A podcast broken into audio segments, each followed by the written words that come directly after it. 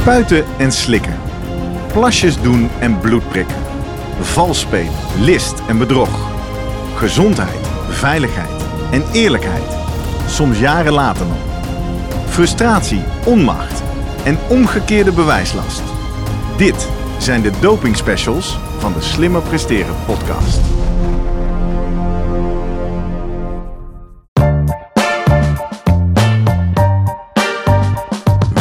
Bij de Slimmer Presteren podcast. Jouw wekelijkse kop koffie met wetenschapsjournalist Jurgen van Tevelen en ik, middle-aged man in Lycra, Gerrit Heikoop.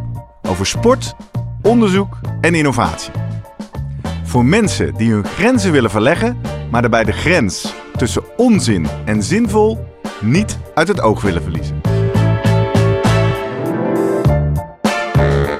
In deze aflevering praat ik met Jurgen over het grijze gebied van de medische attesten. Wat is de rol van de sportarts? Sommige atleten hebben medicijnen nodig om te kunnen functioneren. Met een medisch attest kunnen zij middelen die op de dopinglijst staan gebruiken. Maar, zoals het verleden in de sport laat zien, misbruik ligt op de loer. Is een atleet die medicijnen nodig heeft eigenlijk wel geschikt om topsport te bedrijven? We praten hierover met sportarts en topcoach Guido Vroemen. Voordat we beginnen, nog even drie dingen om aan te denken als jij zelf ook slimmer wilt presteren. Nummer 1. Druk nu gelijk even op abonneren, zodat je altijd direct in de gaten hebt wanneer er een nieuwe aflevering online komt. Nummer 2. Weet dat je Jurgen en mij ook kunt boeken voor jouw volgende bijeenkomst als spreker of presentator. Neem gerust eens contact met ons op via de contactgegevens hieronder. En 3. Deze podcast wordt geproduceerd en gesponsord door Live Online Events. Serieus goede content rondom jouw congres of event. Check www.loe.tv voor meer info. Ja, Jurgen, goedemorgen. Goedemorgen. Het is weer vrijdag. Het is tijd voor de vierde aflevering in onze doping special serie. Yep. Uh, we gaan uh, zo bellen, praten met iemand die ons uh, na aan het hart ligt. Een goede bekende uit de Slimme Presteren podcast. Guido Vroemen. Ja. En we gaan met hem het hebben over ja, al die sporters die daar rondlopen met een doktersverklaring. Ja, Guido hij moet zich toch wel verantwoorden een beetje. Want een sportarts is toch niet de club van artsen waar je graag bij wil horen, gezien het verleden. Conconi, Ferrari, Caccini, de Italiaanse artsen. Ehm, grappig is dat ik moest even denken aan een uh, tweet van Casper Jansen, van onze slaapdokter. Ja, ja. Die laatst, uh, naar aanleiding van uh, Mark Schmid, dat was dan de sportarts of de dopingdokter in dat aderlas gebeuren. Waarin dat de koppen in de krant van sportarts Mark Schmid vijf jaar achter de tralies. En hij reageerde, Casper Jansen erop, sportarts, sportarts dat is het, die vent heeft uh, misschien een cursusje gedaan, maar hij mag zich echt geen sportarts noemen. Dus ik denk dat dat een beetje de toon zet van is de ene sportarts nou, uh, nou. de andere wel, laat ik het je, zo zeggen. Je, je, vliegt er flink in, Jurgen. Ja. Je zit al een beetje te grijnzen, want hij is al live bij ons. Oh, shit. Zijn de vaste luisteraars misschien niet gewend. Normaal gaan we lekker op het einde zoomen met vroemen. Maar Guido, je bent er al. Um, knap dat je je, mond, uh, je kaken op elkaar hebt kunnen houden. Wat een intro. Ja. Ben je eigenlijk nog wel blij met die titel sportarts? Ja hoor, ik ben er nog steeds blij mee. Ik ben er al bijna twintig jaar. En uh, daar ben, heb ik nog nooit spijt van gehad. Oké, okay, nou fijn, gelukkig. Uh, ik denk dat je misschien uh, wat nuance hebt aan te brengen in dit gestrekte nou, been kunt, wat Jurgen hier net erin gooit. Ja, kijk, wat, wat, wat, er zijn natuurlijk, vroeger was sportarts geen beschermde titel. En sinds 2016 is het een, een zelfstandig specialisme. Um, dus mag een, laten we zeggen, een huisarts zich ook niet meer zomaar voordoen als: Oh, ik ben ook sportarts. Dat gebeurde in het verleden wel vaker. Uh, in Nederland dan. In, in het buitenland is de opleiding sportarts op andere manieren geregeld. Dus um, daar kun je met een ja, simpele bijscholingen, mag je die aantekening sportarts eventueel noemen. Maar in Nederland is dat een, een volwaardige opleiding van vier jaar nadat je basisarts bent geworden. Oké, okay, dus als het, zolang het om Nederland gaat en we horen ergens iemand uh, met de titel sportarts, dan weten wij in principe dat hij de opleiding heeft gevolgd, uh, die in ieder geval uh, ja, eh, laat zien dat hij daadwerkelijk uh, nou ja, weet waarover je het heeft. En niet gewoon als, als hobby een beetje sporters erbij doet, denk ik.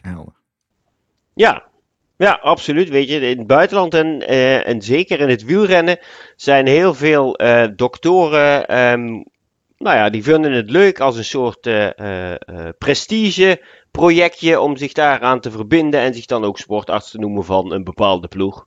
Guido, we hebben voor al onze gasten in deze serie dezelfde openingsvraag. Los van dat we mensen zich even de kans geven om te revancheren als ze zo hard uh, geïntroduceerd worden. En dat is, wij zijn natuurlijk al een hele tijd de Slimmer Presteren podcast. En als je slimmer presteren maar ver genoeg oprekt, dan kom je misschien op een gegeven moment op het gebied van doping terecht. Wat, wat is wat jou betreft de grens tussen slimmer presteren en doping? Ja, ik heb hem al, hè, je ziet hem, ik heb hem gewoon al aangetrokken vandaag de slimmer, het slimmer presteren t-shirt. Um, het verschil tussen uh, slimmer presteren en doping, dat is eigenlijk uh, slimmer presteren en dommer presteren. Leg uit. slimmer presteren is, uh, nou ja, met alle middelen die je zelf ter beschikking hebt in je lichaam, je aanleg, slim nadenken hoe je bepaalde zaken nou beter kunt maken zonder dat je daarmee vals gaat spelen. Hè? en dat noem ik dan uh, dom presteren. Um, want nou ja, je moet het uh, zo doen, zien. Je, um, je kunt uh, tot een bepaalde hoeveelheid trainingswinst halen. En dat moet je slim proberen in te vullen. En op een gegeven moment houdt het op. Dat is per definitie topsport super oneerlijk. Want bij de ene houdt het eerder op dan bij de ander. En dat stukje verschil, ja, dat willen mensen vaak gaan, um, nou ja, gaan, gaan opvullen met doping. Omdat ik denk, ja, maar hij heeft een VO2 max van 80. En ik heb, bij mij houdt het bij 70 op en ik wil toch winnen. Dus die 10 extra moet ik dan ergens anders maar vandaan gaan halen. Maar wij hebben ook van, Do van Douwe de Boer gehoord dat hij, hij geeft ook aan, ja, van al die middelen op die dopinglijst, wat dan doping is, nou, dat zijn er eigenlijk maar heel weinig waarvan je echt waarschijnlijk beter gaat presteren. Ja, heel weinig. Hij, zelfs, hij zegt zelf zelfs maar één, namelijk alleen cafeïne. En de rest is nooit aangetoond dat het wat doet. Nee, klopt. Er zijn eigenlijk, nou ja, je, moet, je hoeft ook niet, uh, het hoeft ook niet per se uh, prestatiebevorderend te zijn om op de dopinglijst te staan. Het mag, um, het mag ook geen schade toebrengen aan het menselijk lichaam. En heel veel uh, stoffen die erop staan en methodes, als die zonder uh, enige achtergrondkennis door mensen gebruikt gaan worden, kan het heel veel schade aanrichten. En dan komen we bij het domein van de sportarts uit. Hè? Dat noemden wij in onze allereerste aflevering over dit onderwerp ook al even. Hè? Veel van die dingen kunnen misschien wel onder begeleiding van een sportarts of een, of een dokter, maar kan een amateur niet uh, thuis doen. Um, sommige sporters, zeiden we in de inleiding, hebben nou eenmaal een medische aandoening, hebben daar medicijnen voor nodig, die ja, toevallig, je, je wordt hier zo cynisch van, uh, Guido. Hoe kan het nou dat er zoveel sporten, nou zoveel, dat weet ik niet, maar uh, je denkt meteen aan een vroom, je denkt aan allerlei uh, schaatsers met schildklieraandoeningen waarvoor ze hormonen slikken, astmapuffers. Hoe kan het dat er onwaarschijnlijk zoveel topsporters rondlopen met een medisch probleem? Onwaarschijnlijk, zeg je al zelf. Ehm, ik weet niet uh, um, of iedereen die bepaalde medicijnen gebruikt, uh, ook daar daadwerkelijk een medische indicatie voor heeft, uh, omdat dat ze dat echt nodig hebben. Um, maar er zijn zat sporters die het echt wel nodig hebben. He, als je de luchtwegverwijders neemt, de salbutamol, mensen die echt geprikkeld kunnen worden in hun bovenste luchtwegen, dus inspanningsastma, astma, en daardoor een vernauwing krijgen daarvan, die hebben die medicatie echt nodig, want anders gaat de luchtweg gewoon langzaam, wordt die dichter geknepen. Dus dan gaat er gewoon minder lucht in en uit. En als je dat niet hebt, als je daar geen last van hebt, maar je denkt, ja, maar die, hè, die andere gasten die hebben dat allemaal wel en die gaan best hard. Dan moet ik ook hebben. Um, dan kun je daar ook een attest voor gaan aanvragen. Hè? Um, dat was vroeger dan bij deze stoffen dan nog nodig. Tegenwoordig is het niet meer, uh, is het, hoeft daar niet meer een attest voor worden aangevraagd, maar is er een maximale hoeveelheid aan vastgebonden. Dat je maar per 12 uur of per 24 uur een bepaalde hoeveelheid mag nemen. En ehm, als, het, als, je, als je dus geen last hebt van een luchtwegvernauwing. En je neemt, eh, en het staat dus eigenlijk gewoon open. En je neemt salbutamol als luchtwegverwijder. Ja, 100% open wordt niet 120% open. Dat blijft 100%. Dus dan helpt het niet. Maar het is wel zo, nou, als de ene bepaalde middelen gebruikt, waarvan zeggen, ja, maar daar ga ik echt veel harder van.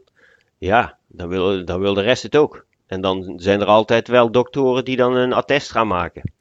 Ja, want dat is natuurlijk uh, waarom het zo in het nieuws kwam, was denk ik, praten we over vijf jaar geleden, die Fancy Bears, die Russische hackersgroep, die was in de, in de WADA-computers gedoken. En die kwamen dus allemaal medische attesten tegen, onder andere voor, uh, nou ja, voor de Skyrunners, hè, Froome. En natuurlijk Wiggins was de, ja, de grote boosdoener met zijn triam Sinalon, Sinanolon, een glucocorticoïd, corticosteroïde. Hopelijke ja, woorden, wat is dat? Ja, corticosteroïden worden, zijn ontstekingsremmers die eigenlijk wel gebruikt worden, met name in het wielrennen destijds, cortisone om uh, ja, af te vallen en uh, geven euforisch gevoel. En nou ja, men vond toch wel duidelijk van ja, dat is het grijze gebied. Wat, uh, hoe, hoe kan hij net, hoe, hoe komt hij aan zo'n attest? Waarom mag hij dat gebruiken terwijl er helemaal geen medische indicatie voor is? En daar is het toen gaan rollen dat er ineens achter kwamen van er zijn best wel wat sporters met die medische attesten. En Daarbij, ja, wat, uh, wat, is het zo makkelijk om een medisch attest te krijgen?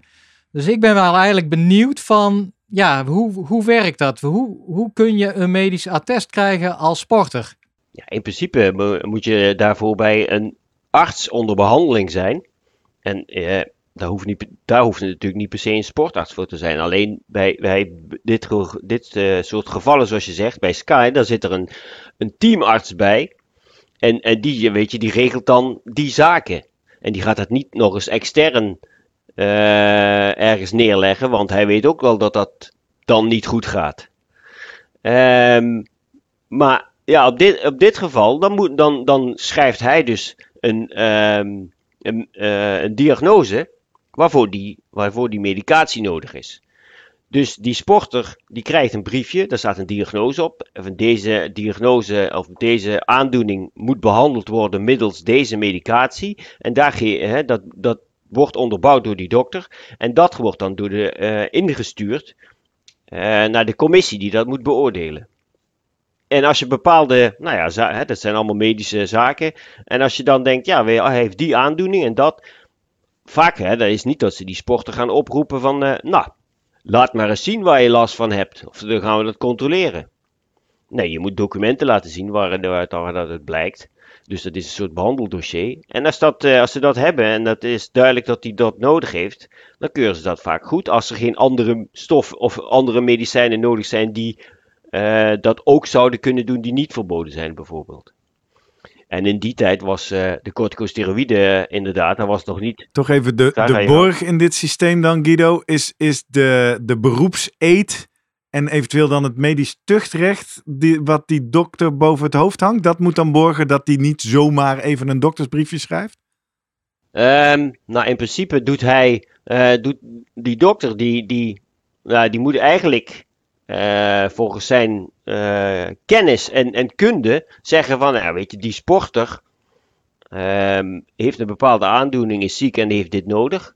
Dus daar vragen we een dispensatie voor nodig, want het mag niet. Um, en dan kun je nog gaan discussiëren van, nou ja, weet je, als een andere dokter, een onafhankelijke dokter dat zou gaan beoordelen, is dat dan ook zo? En dat zit dan vaak in die, in die commissies. Dus um, het is nog niet zo zeker dat als die dokter dat voorschrijft, dat het dan ook er wel doorheen komt. Wij moeten het wel nog door die commissie krijgen. Maar ik, ik weet wel dat, dat hè, dit soort artsen vaak nog een beetje, nou ja, met een korreltje zout nemen. Van, oh ja, dat schrijven we wel voor, kom, we, we dienen het in. En dan uh, vragen we gewoon die dispensatie aan. Want ik, ja, ik weet ook wel dat je er daardoor harder gaat fietsen. En dan uh, verzin ik wel een diagnose erbij. Hmm. Jij bent wel kritisch, uh, hoor ik nog steeds.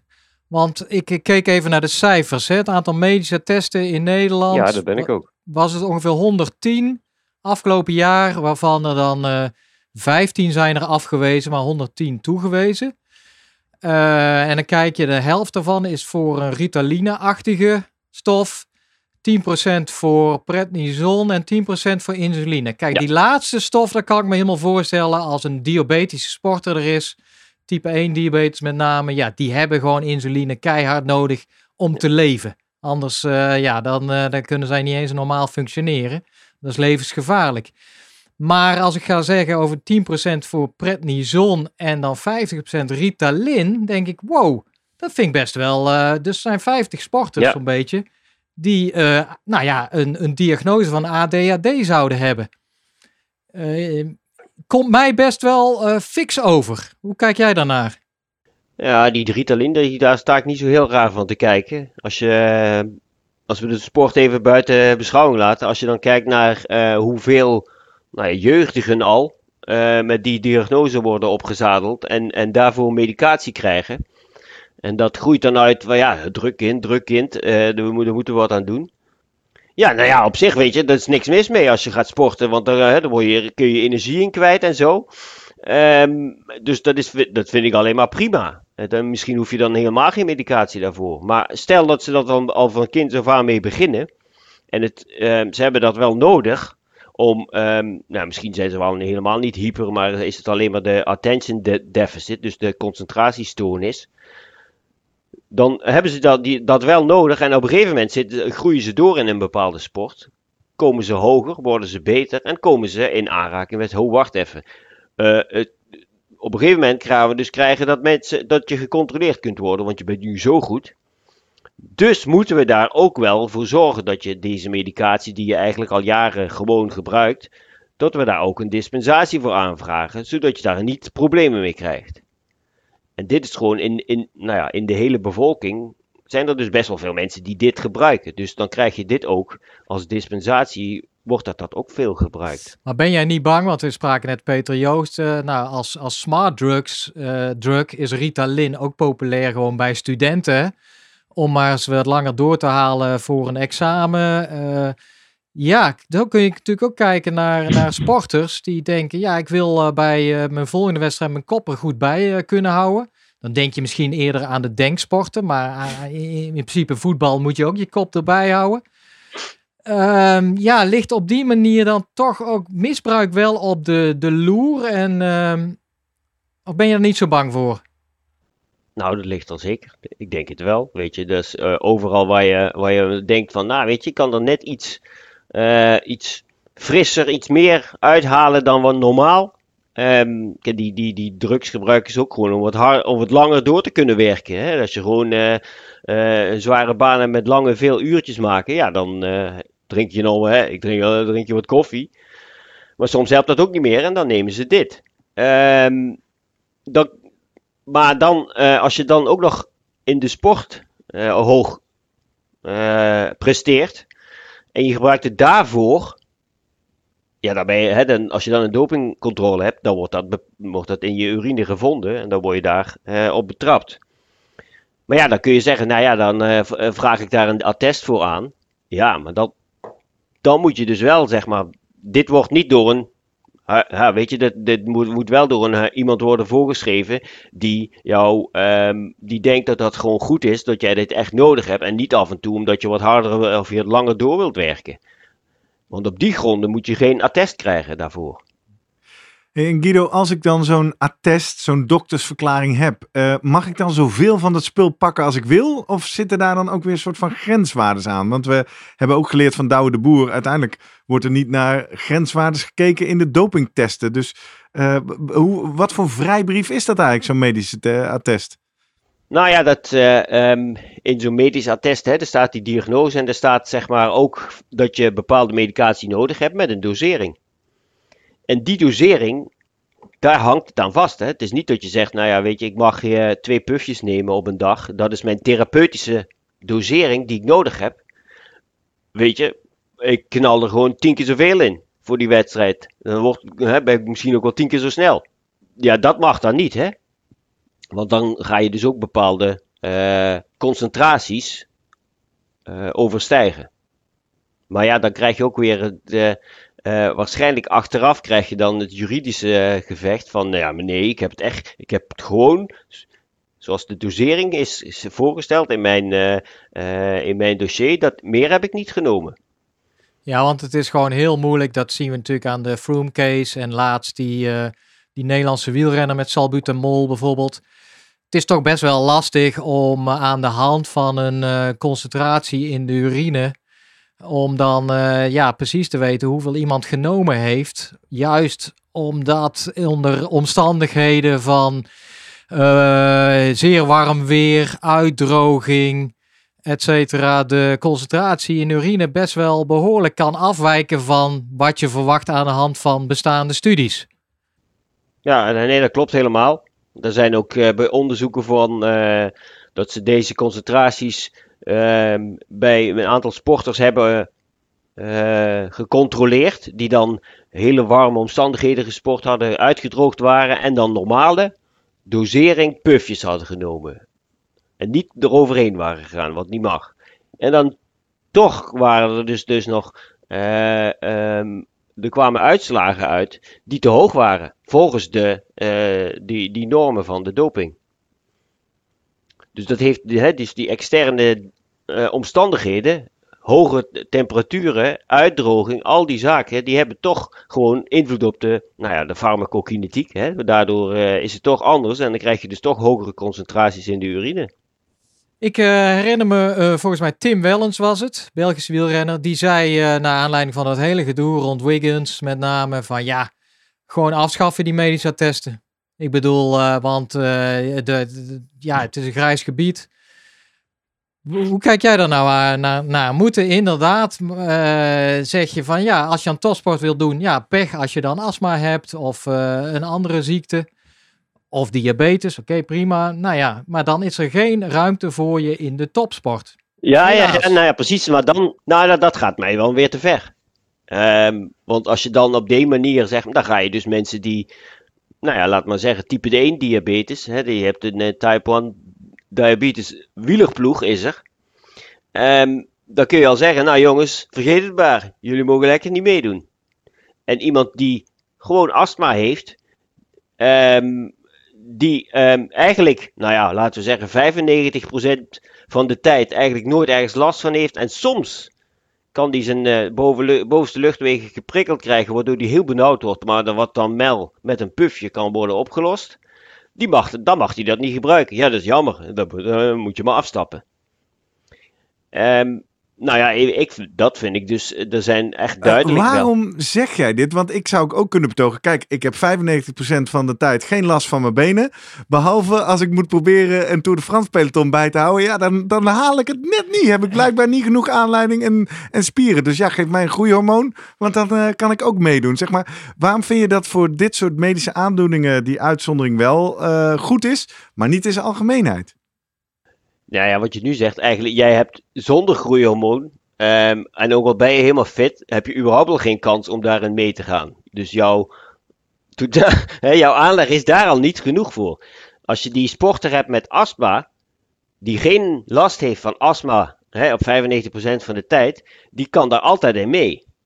Behalve dan als die echt die bovenste luchtwegen geprikkeld heeft door een bepaalde, nou ja, pollen, noem het maar op dan heeft hij daar een heel groot probleem. En dan kun je dat door dat puffje, kun je dat wel weer, weet je, dan is die de 100% die hij normaal heeft, die is ineens nog maar 70 of 60%. Dat kun je dus weer oplossen, want dat heeft hij dan nodig. Maar in, in, ja, in den beginnen is hij natuurlijk, die 100% die hij heeft van zichzelf, die is gewoon goed genoeg voor de topsport. hey, ik ben toch uh, even, even nog uh, benieuwd van, want ik heb vorig jaar. Nou ja, er is een oproep geweest, daar heb je ook aan meegedaan volgens mij. Er is toch wel wat onderzoeken die laten zien dat, nou, de belangrijke rol van de sportarts in het dopinggebruik in, in, bij Nederlandse topsporters. Uh, en dat is een onderzoek vanuit het Mulier Instituut. Willen ze daar toch wat meer grip achter krijgen? Volgens mij doe jij daaraan mee, klopt dat? Ja, ja, dat klopt. Dat, heb ik, uh, nou, ik, ik ben wat dat betreft als, uh, altijd wel heel duidelijk geweest in mijn standpunt uh, ten opzichte van doping. Um, en ik wilde bij dit onderzoek waarin ze eigenlijk de meer, nou ja, weet je, de omringende uh, mensen om een sporter heen wilden interviewen wat hun rol kan zijn of wat hun rol is bij die sporter om nou ja, wel of geen doping te gaan gebruiken. Dus dan, dan ben, hè, dat, een sportarts kan daar een rol in spelen. Een trainer kan daar een rol in spelen. Ouders, uh, uh, partners, sociale omgeving, team. Dat kan er allemaal een rol in spelen. En dan willen ze eigenlijk kijken van ja, wie um, speelt er nou een, een grote rol? Wat, wat heeft nou heel veel invloed op zo'n sporter? Als iemand dat wel gaat gebruiken. Hoe, hè, wat heeft dan de grootste impact? En neem eens een voorschot. Wat, wat, wat is wat jou betreft daar belangrijk in? Ja, ik, ben, ik zit een beetje in een dubbelrol. Ik ben sportarts. Um, ik ben ook trainer. Dus ik, heb, uh, ik kan het van twee kanten uh, bekijken. Maar ik weet zeg maar wel vanuit wat er eigenlijk maar allemaal uitkomt. Dat een trainer die heel dicht bij de sporter staat. En waar de sporter nou, dat kun je ook vaak wel, wel zien, dat hij heel erg uh, nauw uh, kijkt naar wat uh, en luistert wat de trainer zegt. Dus dat een trainer heel veel invloed kan hebben. kijk maar naar wat er gebeurt allemaal is met Salazar. Mm -hmm. ja. En dat, dat vind ik dan wel interessant. Die vragen we ook aan Douwe de Boer voorgelegd twee weken geleden. Um, er lijkt van alles aan de hand met het dopingsysteem, het antidopingbeleid. In de eerste aflevering in deze serie sprak ik met Jurgen over prevalentie, namelijk het aantal gevallen dat zou voorkomen en het aantal wat gepakt wordt. Als jij een aantal suggesties zou mogen doen voor verbeteringen, uh, bijvoorbeeld door uh, trainers beter te, uit te rusten om die preventieve rol te hebben. Wat voor dingen zou jij willen veranderen om te zorgen dat we uh, dichter bij een nou ja, veilige, gezonde, eerlijke topsport komen? Ja, um, dat is een, een, een, hele moeilijke kwestie. want ehm, vals spelen, zoals je, hè, wat dit is, dat zit, in, dat zit overal in, uh, in, de hele, hele samenleving natuurlijk. Uh, dat gebeurt overal. Dus het zal ook altijd overal wel blijven. En ook in de topsport en in de, hè, in de mindere, niet iets uh, hogere topsport. daar blijft het allemaal in zitten. En je hebt altijd mensen die ergens winst in kunnen halen door vals te spelen. Maar, um, nou ja, het belangrijkste vind ik dat je uh, mensen ervan moet doordringen dat ze um, bewust moeten zijn nou, en, en zelf intrinsiek ook zo moeten gemotiveerd zijn om het beste uit zichzelf te halen, zonder dat ze daar vals voor moeten gaan spelen. En als ze dan, weet je, als je bepaalde dingen niet kan halen doordat iemand anders beter is, dan is dat, dan, dan kan dat heel erg vervelend en zwaar shit en kloten zijn. Um, maar dat wil nooit zeggen dat je daardoor um, een stapje, nou ja, weet je, meer wilt gaan doen en dan overgaat naar doping gebruiken, omdat je dan misschien wel kunt winnen. Dus ja, dat zit er meer in spelen op iemand zijn, nou ja, zijn denkwijze, zijn mentaliteit, uh, dat hij um, echt ervan overtuigd is van, ja, weet je, ik ga hier, de, ik ben gewoon vanuit mezelf, gewoon uh, wil ik het best uit mezelf halen en niet vals spelen. Uh, en dat wil ik ook nou ja, naar mijn andere sporters overbrengen. Zodat we eigenlijk van elkaar kunnen weten en vertrouwen dat we daar, daarvoor zijn. En dan kun je wel denken soms van, nou, we moeten eigenlijk meer gaan controleren. Hè, dat wordt altijd geroepen, er moet nog meer gecontroleerd worden. Ja, ik denk niet dat dat de oplossing gaat, gaat geven. Want ja, nog meer controles en dan worden, hè, dat, dat, dat, dat wordt een heel controlesysteem ik vind het dopingsysteem is ook natuurlijk eigenlijk iets wat je helemaal niet nodig moet hebben. Als iedereen het gewoon eerlijk deed, hè, bij wijze van spreken, dan had je dat hele dopingsysteem niet nodig. En nu is het, op een gegeven moment is het ook wel weer zo dat dat hele dopingsysteem, daar werken heel veel mensen in. Dus dat kost ook heel veel geld en daar, daar worden mensen, weet je, dat is hun brood. Dus dat systeem moet ook in stand gehouden worden. Maar eigenlijk is het een systeem die denkt, ja god, dat is het controlesysteem omdat andere mensen steeds vals spelen. Ja. ja. Wat mij verbaast, nog even, is de hele entourage, met name bij het mhm. wielrennen. Daar had ik het al met Gerrit eh, ook over. Daar toch nog, daar zie je af en toe ploegleiders, waarvan je verleden weet, ah, die waren niet helemaal zuiver op de graad. Uh, Maar ook die, uh, die doktoren erbij. Er is nu volgens mij nog steeds van Team Sky is nog steeds zijn ze bezig met het uitzoeken van destijds wat er gebeurde uh, rondom uh, ja, Wiggins, die, de Jiffy bag, de testosteronpleister, et cetera. En dan kom je erachter, ja, die hele medische entourage vaak is, ja, nou ja, schimmig, je hebt bepaalde belangen. En dan denk ik, het zijn er ook wel heel veel. Moet nou zo'n uh, zo'n zo'n wielerploeg, moet die zoveel medici in dienst hebben? Is dat allemaal, ik bedoel, uh, ja, hoe belangrijk is dat? En kun je het niet afdoen met bijvoorbeeld een aantal toerartsen, die dan, uh, nou, onafhankelijk zijn en daar waar nodig, als een renner ziek wordt, opgeroepen wordt om even te kijken naar die renner en te beoordelen of die een medicijn nodig heeft en of die inderdaad uh, kan doorfietsen? Of, of zie ik het weer veel te simpel? Nee, op zich is dat helemaal niet uh, te simpel.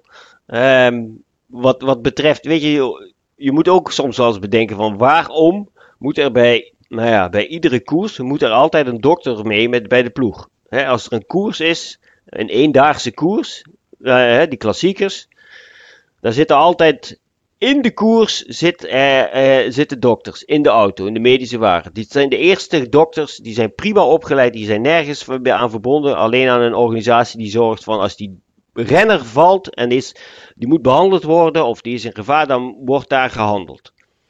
En daar heb je als ploegarts, heb, daar kom je helemaal niet bij man, daar heb je helemaal niks te zoeken. Dus daar kun je er wel achteraan gaan tuffen de hele tijd, maar dat heeft helemaal geen zin. Dus als je dan iemand hebt daarna, hè, die is gevallen, sleutelbeen gebroken, moet naar het ziekenhuis afgevoerd worden, dan kun je daar contact eventueel natuurlijk met het ziekenhuis en met de ziekenhuisdokter opnemen. Um, maar als je op trainingskampen of uh, meerdaagse wedstrijden, van, hè, zoals de grote tours, drie weken duurt, dan moet er wel, snap ik wel dat er een dokter mee moet. Want ja, dan kun je ook wel eens uh, keelpijn krijgen of uh, snot, snottige hoofdpijn. noem het allemaal maar op. Dat zijn een beetje de huisartsgeneeskundige zaken, waar je, die, die kwaadjes waar je last van kunt hebben. Dus daar moet je dan wel een dokter voor hebben. En als je dan zegt van, ja, maar dan kun je ook inderdaad gewoon een paar dokters in die karavaan meenemen. En um, nou, daar kunnen ze dan op spreekuur gaan. Ja, dat is een beetje vertrouwensband, hè, wat je hebt in een ploeg natuurlijk. Dat snap ik eigenlijk wel, weet je. Dat, dat is, um, um, als je met, met renners weggaat, dan ga je, hè, dan ga je, dan heb je dat liever bij je, met je eigen dokter te bespreken. Maar ja, eigenlijk, als het om huistuin- en keukenkwaaltjes gaat, dan kun je natuurlijk naar iedere dokter gaan. En die geeft je daarvoor Um, een zalfje, een pilletje, uh, een eye de net zoals, uh, ja, ik heb ook geen huisarts in huis uh, rondlopen, ik bedoel, of een arts. Dus, ja, we hebben allemaal dokter Google, hè? Nee, maar het doet me toch even denken van, volgens mij is Irene Wust is toen naar buiten gekomen rondom dat hele schildklier gebeuren, hè, wat destijds in het nieuws kwam. En die heeft ook gezegd, ja, ik ben een van die, die schaatsers. Uh, ja, jullie mogen ja. dat dan uh, best weten van mij. Uh, dat wordt wel vaker... Even voor de mensen die dat gemist hebben. Schildklier gebeuren. Schaatsen slikten schildklierhormonen ja. zonder dat ze daar per se ziek voor waren. Of... Nou, ze staan, die, nou, dat is grappig. Die staan dan weer niet op de dopinglijst. Ah. Wat mensen heel vreemd vinden. Ook de dopingautoriteit eigenlijk wil het wel op de dopinglijst hebben. nou, en dat werd dan ook als het grijze gebied genomen van ja, we kijken wat wel op de dopinglijst staat, dat gaan we niet nemen. Maar we gaan wel stoffen nemen die er niet op staan. Maar die ook prestatiebevorderend of in ieder geval kunnen helpen. Ja, dat heet dan toch gewoon slimmer presteren. Ja, en dat zijn dan supplementen. Maar zij heeft toen uh, gezegd, nou ja, oké. Okay, uh, dan mogen de mensen wel weten dat ik een schildklierafwijking heb. Ja, is dat misschien ook maar een oplossing? Laat topsporters, ja, die zijn zoveel in de picture, hoort er nou eenmaal bij. Laat ze dan maar uh, ook openbaar maken als zij eventueel astma hebben of een andere aandoening.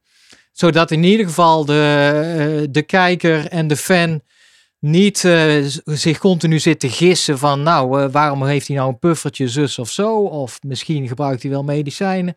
En daar gewoon maar eerlijk over zijn. Ja, nou ja, de privacy wetgeving is ondertussen zo lastig geworden. Dus dat denk ik het, het, het, zou, hè, weet je, het, zou kunnen, maar ik denk niet dat dat uh, gaat lukken wat, wat, dat betreft.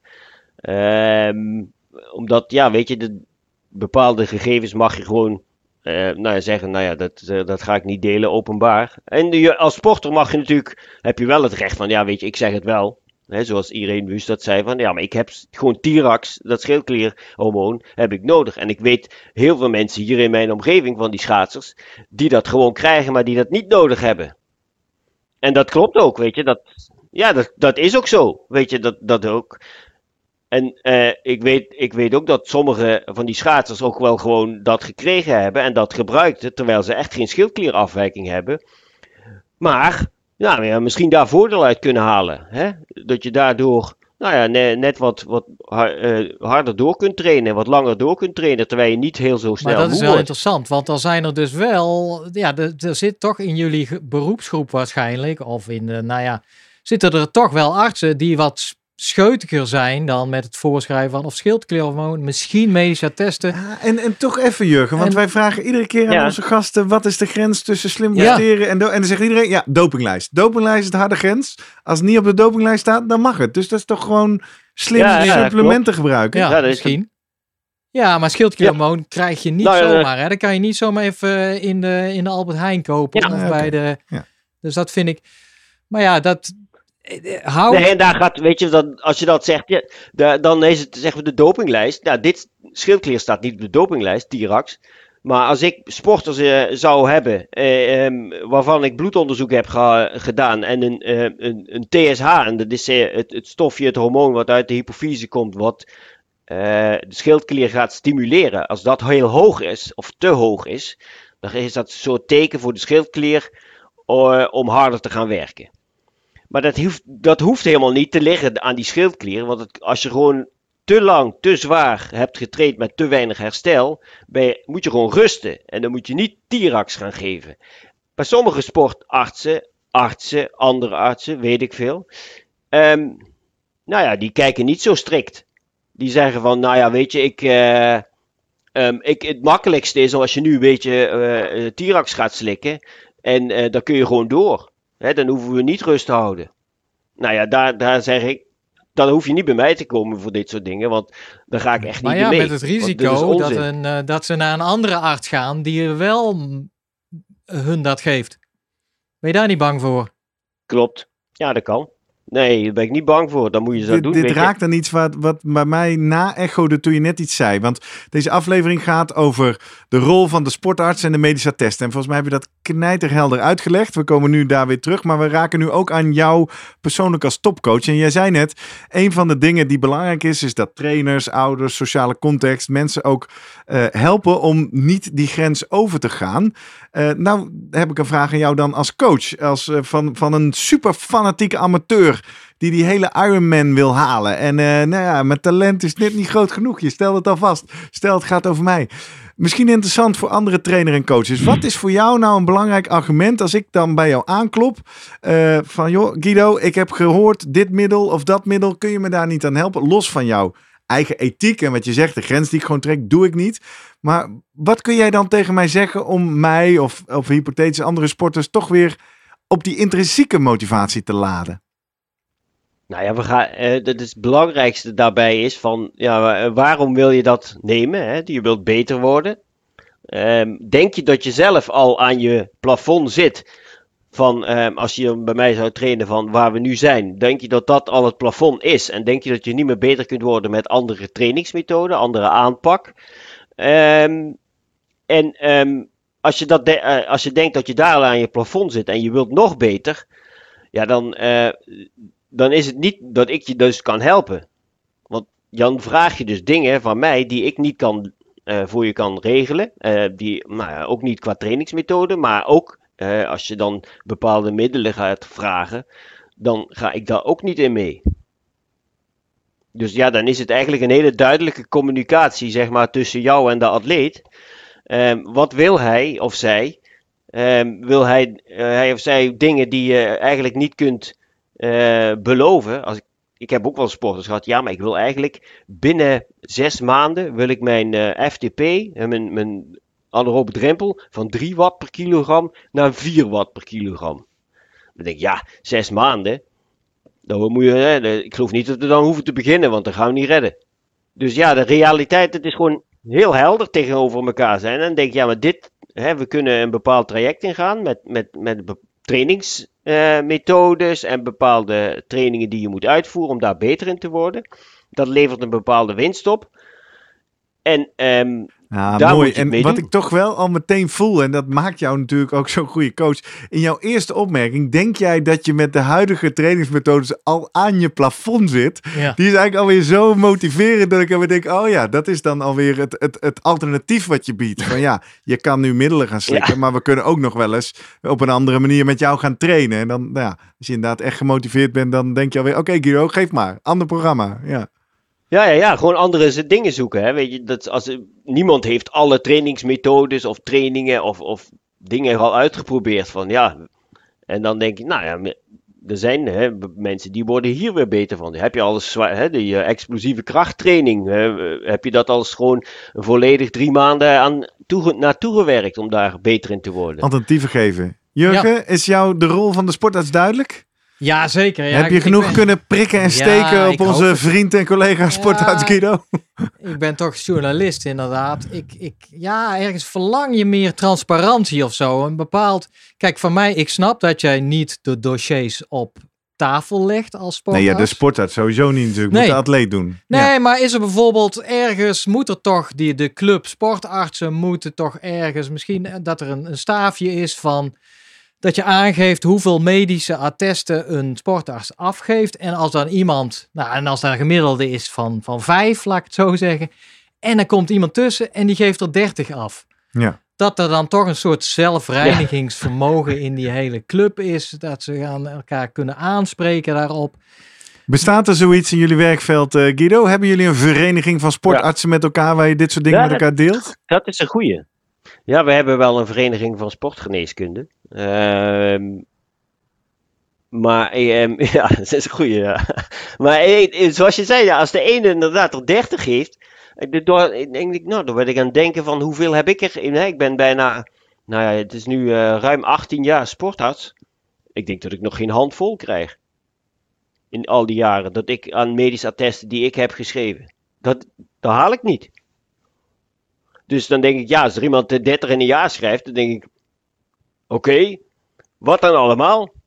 Welke eh, sportbond of sportploeg zit jij dan?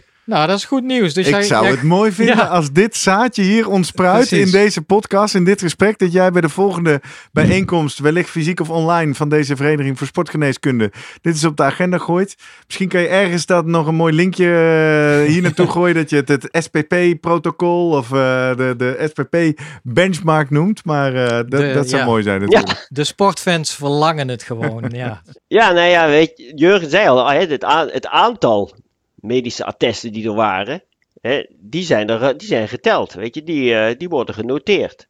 Nou, dan degene die die attesten geeft, kun je natuurlijk, weet je, de, de dokter die, dat, eh, die daarop staat, kun je ook gaan vinken. Ik weet hè, waarschijnlijk mag je het dan niet bekendmaken, maar ja, je kunt ze wel dus daardoor mee Ik kan ze niet vinken, want Ja. zoiets maken zij niet bekend. Maar Nee, maar wellicht, dat kan eh, binnen, ja. binnen, de, binnen de vereniging. Ja. Eh, dus ze zien ons aankomen, de Vereniging van Sportgeneeskunde. Wij zijn Mooi. ook in te zetten als eh, sprekers en presentators eh, op een leuke bijeenkomst voor jullie. Ehm, ik ga er een punt aan breien. Ja. De koffiemok is leeg. Eh. Guido, dank je wel voor dit inkijkje. Eh, eh, mooi om te zien hoe rechtsgeschapen en direct jij eh, in dit werkveld bent. En ik hoop dat veel collega's van jou daar een, een voorbeeld aan nemen. Laat ik alle onze, al onze luisteraars en kijkers, zeker de mensen die wellicht deze aflevering voor het eerst horen, nog een keer wijzen op alle manieren waarop mensen met ons in contact kunnen komen. Bijvoorbeeld via social media, @slimmerpodcast op Twitter en op Instagram. Van iedere aflevering maken wij een post. Daar kun je op reageren, die kun je delen. Als je mensen kent voor wie deze aflevering ook interessant kan zijn. En we hebben ook een website www.slimmerpodcast.nl. Daar vind je ook van iedere aflevering een eigen pagina waaronder je kan reageren en die je ook kan delen. En tot slot kun je ook met ons mailen naar post.slimmerpodcast.nl met al je reacties, al je vragen aan Guido, aan ons, aan eh, aanvullingen en eh, alles wat je maar te vertellen hebt over deze doping specials of over alle andere vragen over slimmer presteren. Wij eh, zijn op vier van zeven, Ja. Jurgen. Wij gaan nog eh, drie edities maken de komende drie Wel, weken. ik heb wel een pilletje nodig hè, voor, eh, om dit vol te houden. Zo. Zeker. Ja. Guido, dankjewel en eh, tot volgende keer. Dank je Guido. Een kopje koffie. Ja. Hoi.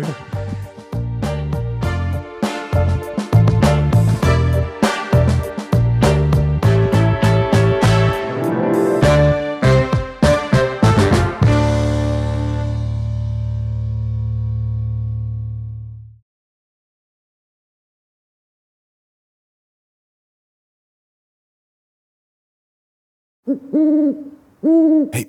Voordat je weggaat, denk er nog even aan uilentorenloop.nl. Dan zien we je de eerste zaterdag van juni. Tot dan!